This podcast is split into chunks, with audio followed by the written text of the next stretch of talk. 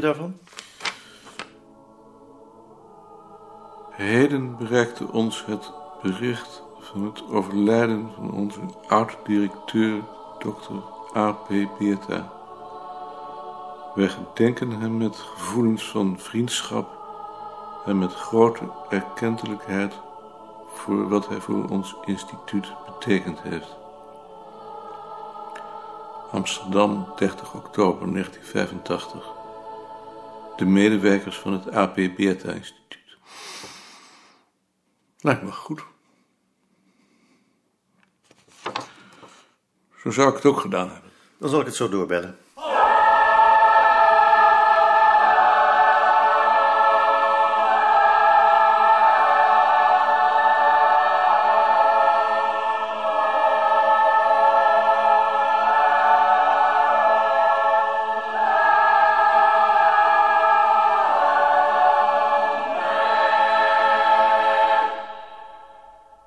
Hebt zeker gehoord dat het plan van de presentatie niet doorgaat?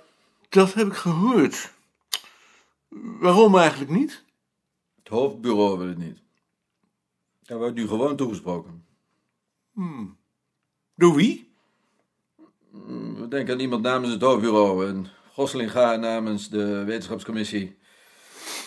En eh, wij wilden jou vragen om eh, namens het personeel te spreken. Waarom ik? Omdat jij het langs een balk hebt samengewerkt. Stel ons wel verdomd weinig voor. en eh, eh, moet ik dan ook het eh, cadeau Nee, aanbieden? nee, doe ik. Ik ben de ceremoniemeester. Ik moet er eerst over nadenken of dat wel kan. Hoe lang heb je daarvoor nodig? Je hoort het voor het eind van de week, goed? Ja, dat is goed, ja. Dank je. Ad, weet jij ook wie van jullie de map met het laatste nummer van de tijdschrift Hollander heeft? Nee. Dan moet je even de bureaus langs. Dat doe ik dan maar even. Je had hem hartstikke vast.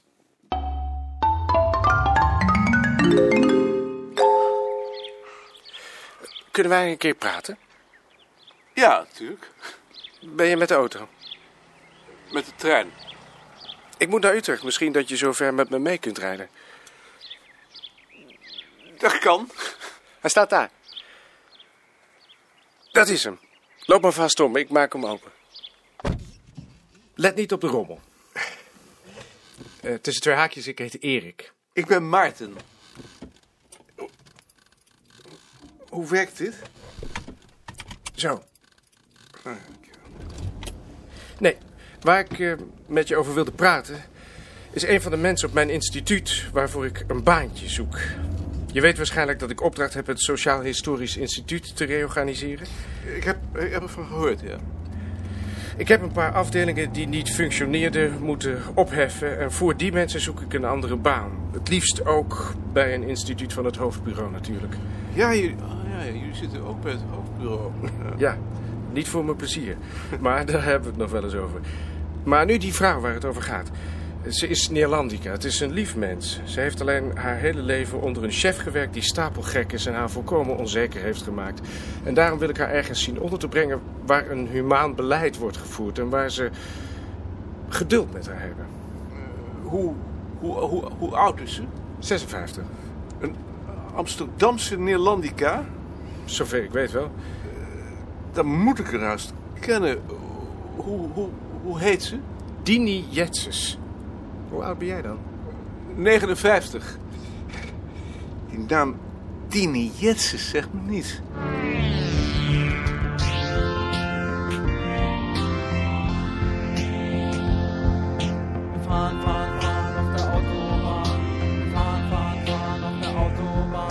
In de achteruitkijkspiegel zag hij de auto's drie rijen dik weer in beweging komen en de achtervolging inzetten. Erik week soepel uit naar de linker rijstrook. De groene wijzer van de snelheidsmeter kroop snel omhoog naar 140 kilometer. Ze passeerden een aantal auto's en voegden weer in, in de middelste baan. Waar ze op hun beurt gepasseerd werden door een auto die met hoge snelheid op de linker rijstrook langs reed en met snel kleiner wordende achterlicht in het donker verdween. Het was fascinerend. Alsof ze meezwenkten in een school vissen en het brachten in een afwezige stemming.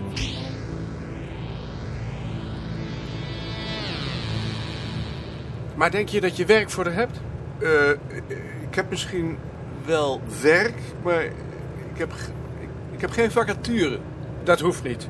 We betalen haar nog twee jaar en ik zal het zo regelen dat het hoofdbureau daarna haar salaris tot haar pensionering overneemt. Mag ik eens over denken en je dan opbellen? Tuurlijk. Dan bekijk ik wat ze zou kunnen doen.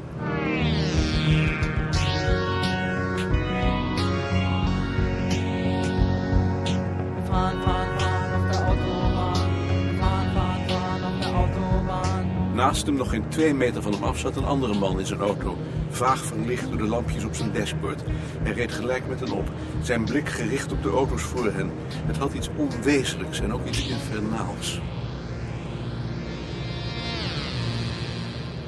Heb jij eigenlijk geen auto? Nee, ik ben tegen de auto. Ik zou niet zonder kunnen. Dat zeggen ze allemaal, maar je kunt alles lopend of fietsend bereiken. Kost je alleen tijd. Nauwelijks.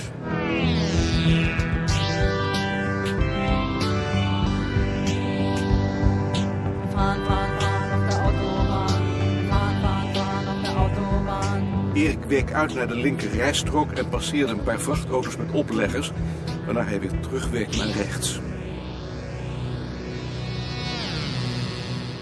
Vind je eigenlijk dat deze commissie zin heeft? Nee, die heeft geen zin. Ik denk er wel eens over er maar weer uit te stappen. Ik kan mijn tijd beter besteden. Of je nou het een doet of het ander. Dat is behoorlijk filosofisch. ik moet om acht uur in een vergadering zijn. Anders zou ik je uitnodigen om nog even mee te gaan. Moet je dan niet eten?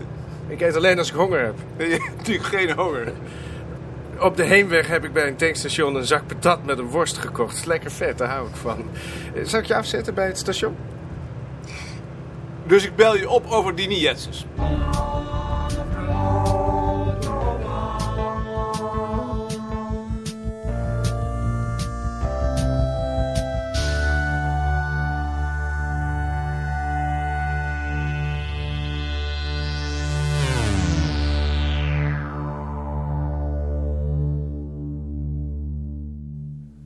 Zijn jullie daar? Kijk eens. Takjes met rode bessen. Dank je. Ik zal ze even in het water zetten. Is Kees al lang weg? Aan het begin van de middag.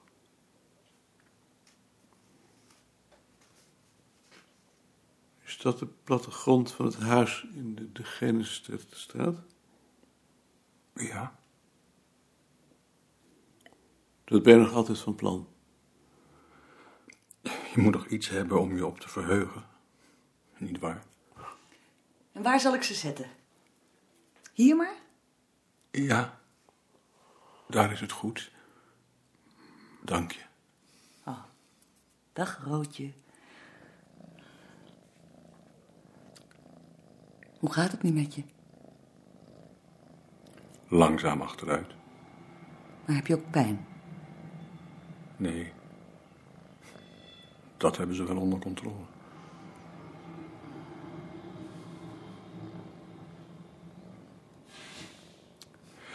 Kees heeft een visschotel in de koelkast gezet. Je hoeft hem alleen nog maar in de oven te zetten. En er staan ook twee flessen witte wijn. Oh, zal ik dat dan maar eerst doen? Maak jij dan vast de wijn open?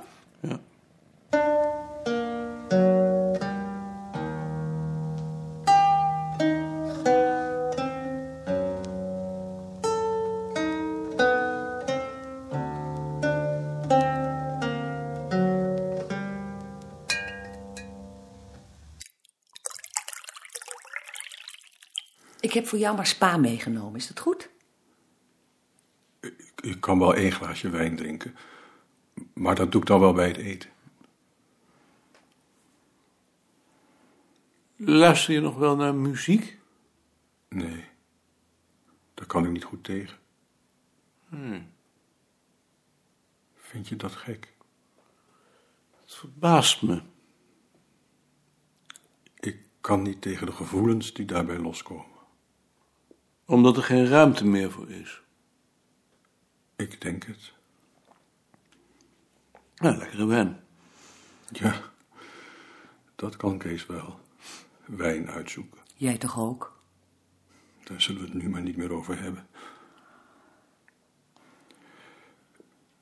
Zouden jullie een keuze uit mijn boeken willen maken? Tuurlijk. Graag.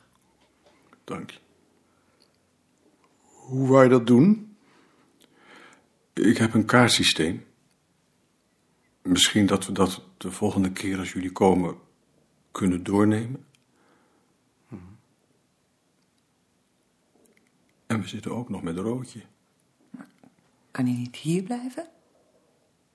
De vriendin van Kees heeft ook twee katten en die verdraagt ze niet. Maar we vinden wel iemand. Maak je daar nou maar geen zorgen over. Ik ben eigenlijk nog altijd een beetje kwaad op die vrouw bij wie Henriette een kamertje heeft.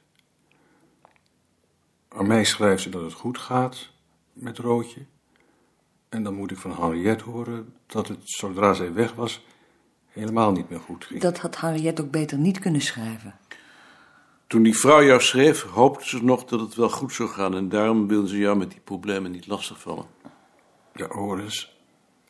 Ik ga zo'n brief niet analyseren. Daar ben ik nu te ziek voor. Heeft Kees ook gezegd hoe lang die schotel erin moet zitten? Twintig minuten? Dek jij dan even de tafel? Ja.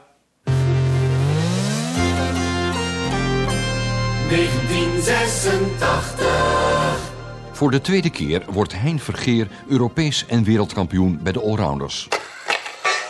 Via teletext begint de NOS met ondertiteling van het 8 uur journaal. Het ruimteveer Challenger ontploft kort na de lancering. Geheel onverwacht overlijdt de minister van Binnenlandse Zaken Koos Rietkerk. Kroonprins Willem-Alexander schaatst op eigen kracht de Elfstedentocht uit. Iets sneller gaat Evert van Bentum over het ijs. Hij wint weer de tocht der tochten. Vanwege de kernramp in Tsjernobyl blijven de koeien op stal en wordt verse spinazie doorgedraaid. Na de Tweede Kamerverkiezingen is het CDA weer de grootste partij. Het kabinet Lubbers 2 kan het karwei voortzetten. Wim Kok volgt Joop den Uyl op als fractievoorzitter van de PvdA. Op zijn vakantieadres in Spanje overlijdt Willem Ruis. De Nederlandse hockeydames veroveren de wereldtitel. Koningin Beatrix stelt de Oosterscheldedam officieel in gebruik. De bouwkosten van deze doorlaadbare pijlerdam bedragen 8 miljard gulden. Frankrijk levert na een juridisch steekspel de twee Heineken-ontvoerders uit. De Tweede Kamer besluit tot een parlementaire enquête over de fraude en het gesjoemel met bouwsubsidies bij het ABP.